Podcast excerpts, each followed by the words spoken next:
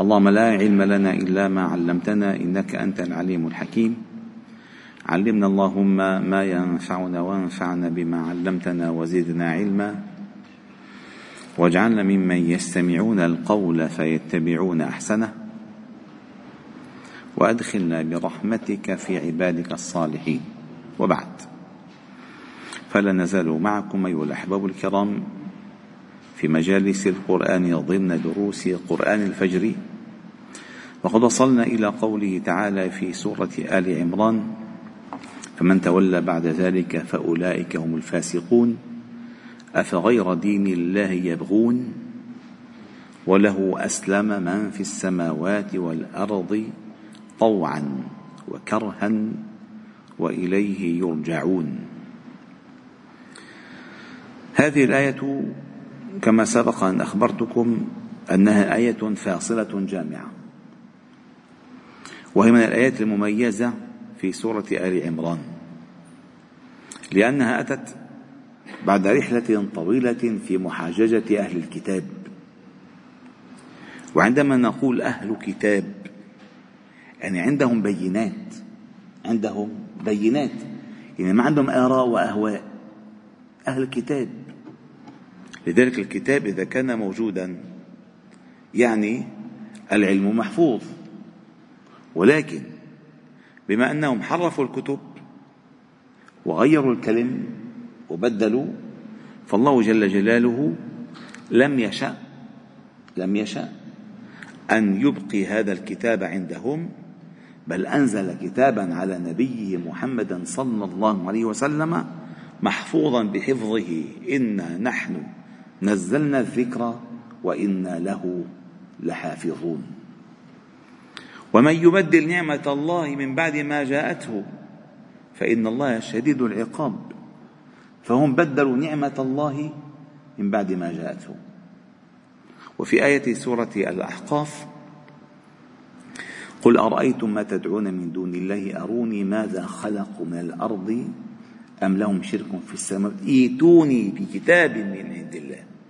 الكتاب إذا ما في كتاب فهؤلاء أهل الكتاب يعني الحجة قائمة عليهم.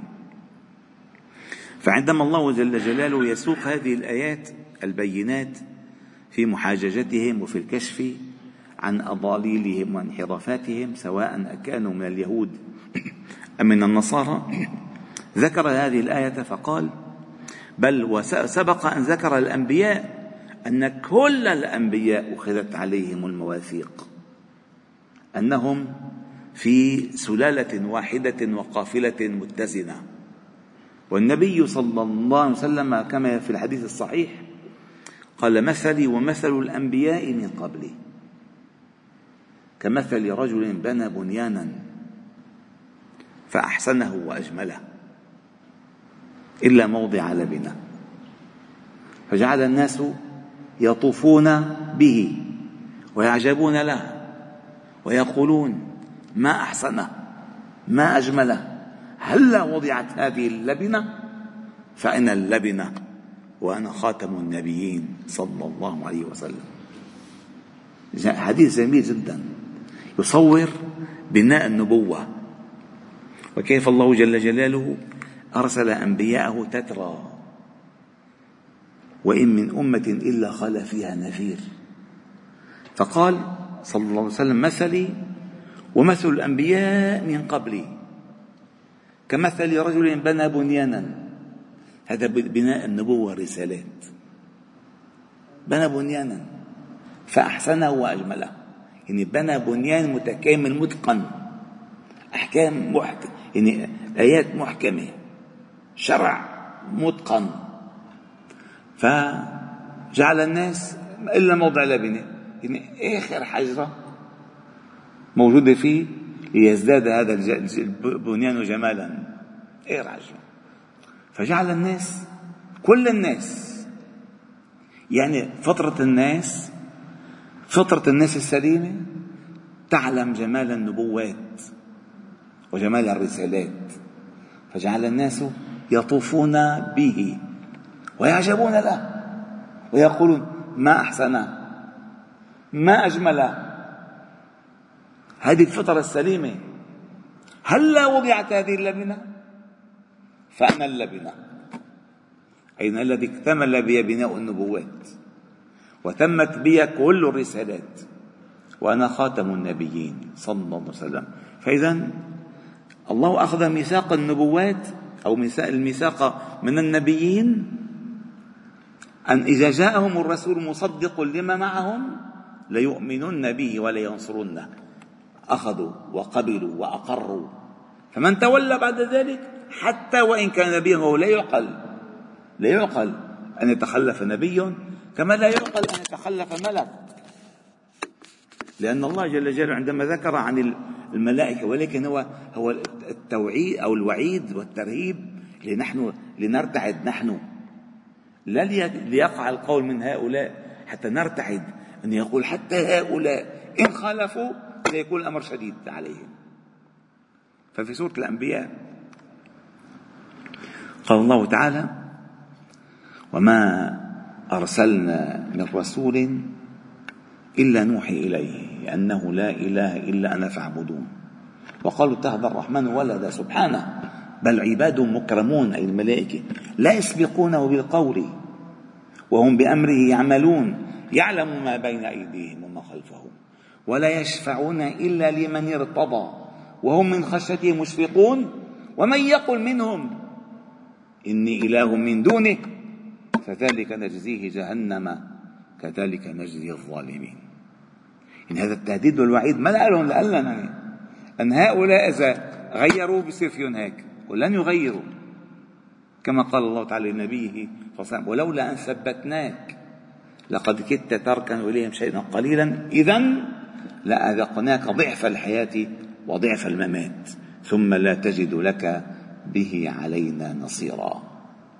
آيات هائلة فهنا الآيات قال أفغير دين الله يبغون أي يا أهل الكتاب أبعدما جاءهم البينات وعرفتم الدلالات وخبرتم النبوات تبغون دينا غير هذا الدين؟ دينا تصنعونه أنتم وترضونه أنتم وله أسلم. أي هو الإسلام. دين الله الإسلام. بعده. وله أسلم من في السماوات والأرض طوعا وكرها وإليه يرجعون.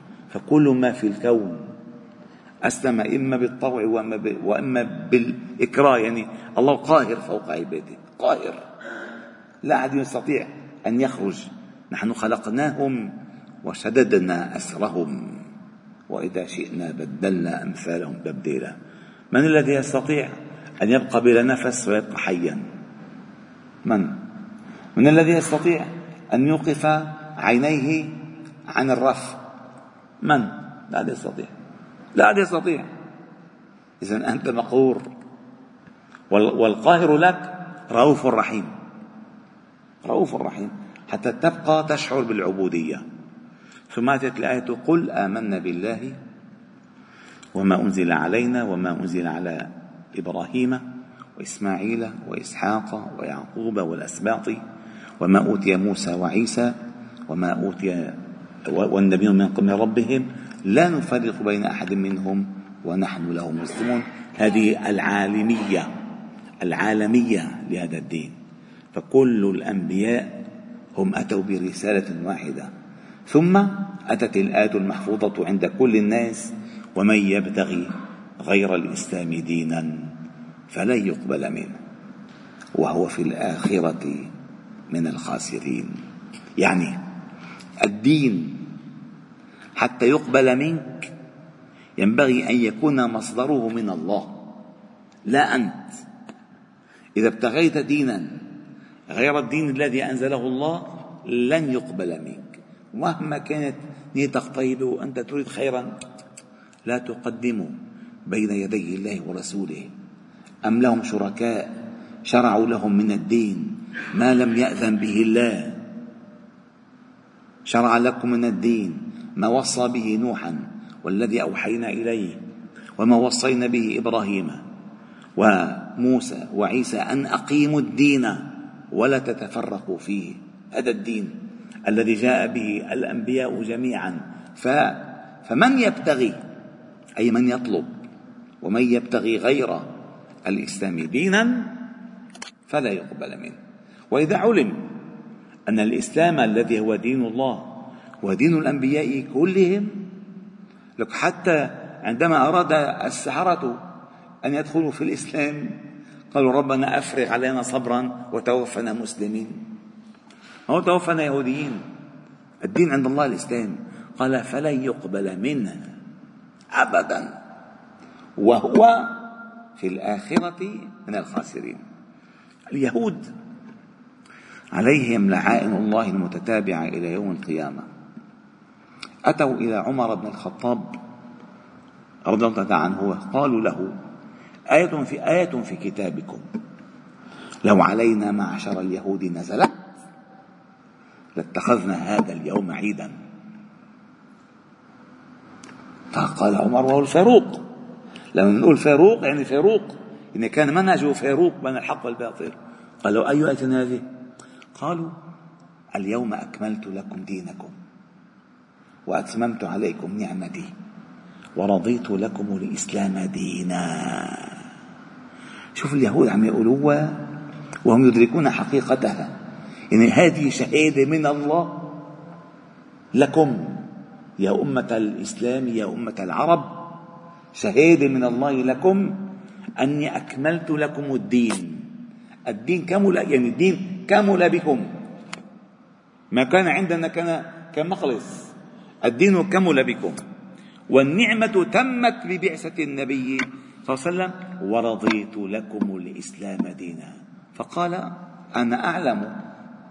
أين أعلم. أين نزلت؟ وفي من نزلت؟ وكيف نزلت؟ نزلت يوم عرفة. يوم عرفة. يعني هذا اليوم أعظم يوم عند الله. والإنسان واقف على جبل عرفة. نزلت هذه الآية لتكون شهادة من الله تعالى لهذه الأمة.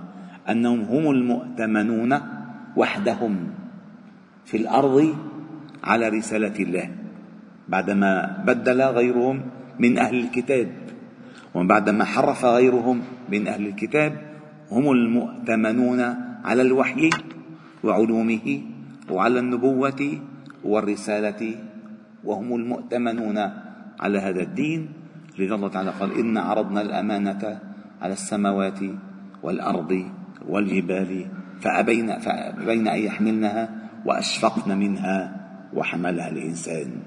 فعندما فرط الإنسان أتى أكمل إنسان على وجه البسيطة وهو النبي صلى الله عليه وسلم. ومن تبعهم بإحسان ومن تبعه بإحسان فكانوا هم أشرف الأمة حملة الأمانات. الله تعالى أسأل أن يجعلني وإياكم من أشراف هذه الأمة ممن يراعون الأمانات ويؤدونها وممن يحفظون دين الله تعالى ويبلغونه للناس. والحمد لله رب العالمين. سبحانك وبحمدك نشهد أن لا إله إلا أنت. نستغفر ونتوب إليك. صل وسلم وبارك على محمد وعلى آله وأصحابه أجمعين. والحمد لله رب العالمين.